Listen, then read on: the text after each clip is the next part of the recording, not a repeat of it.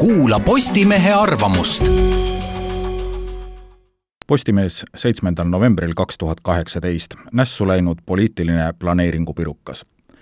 tselluloositehase eriplaneeringu lõpetamise küsimus on endiselt valitsuse laual. kunagi plaanitud hõrguroa asemel küpses äärmiselt kahtlane pirukas. kokad vaidlesid, kas on valmis või ei, sotti ei saanud ka täidisest. ühel hetkel oli see söömiseks kõrvetavalt kuum, nüüd aga jahtunud või lausa roiskunud kui valitsus kahe tuhande seitsmeteistkümnenda aasta alguses tehtud taotluse alusel samal kevadel planeeringu algatas, paistis kõik kena. Est-For Invest OÜ rääkis taotluses vajalikust investeeringust, mis võimaldaks anda kohalikule toormele lisandväärtust, luua sadu uusi töökohti.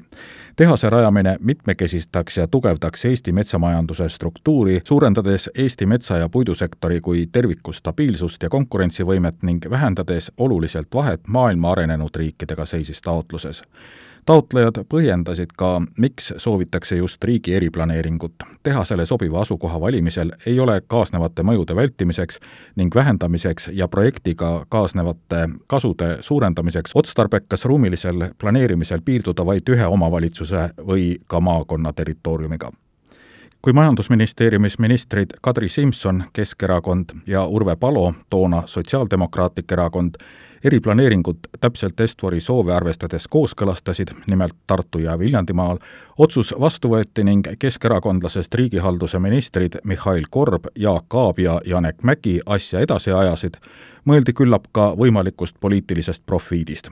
Keskerakond jagab Tartus Reformierakonnaga võimu, miljarditehas, nagu seda toona meedias üsna heasoovlikult kutsuti, lubas ju inimestele heldelt tööd ja leiba, kogu riigimajandusele turgutust see, et mõne aja pärast ei nimetata seda isegi enam puidurafineerimistehaseks, vaid märgiliselt tselluloositehaseks, et Tartu rahvas tuleb sõna otseses mõttes tänavale, algavad kohtuteed ja nii edasi, kõlanuks igale poliitikule nagu õudusjutt. iseäranis hirmus on probleemi venimine üliohtlikku valimiste-eelsesse aega, mida näitab asjaga seotud poliitikute leige suhtumine temaatilistesse rahvakoosolekutesse pirukat on nüüd mõnda aega nuusutatud, et kas kõlbab siiski kuidagi soojendada või mitte.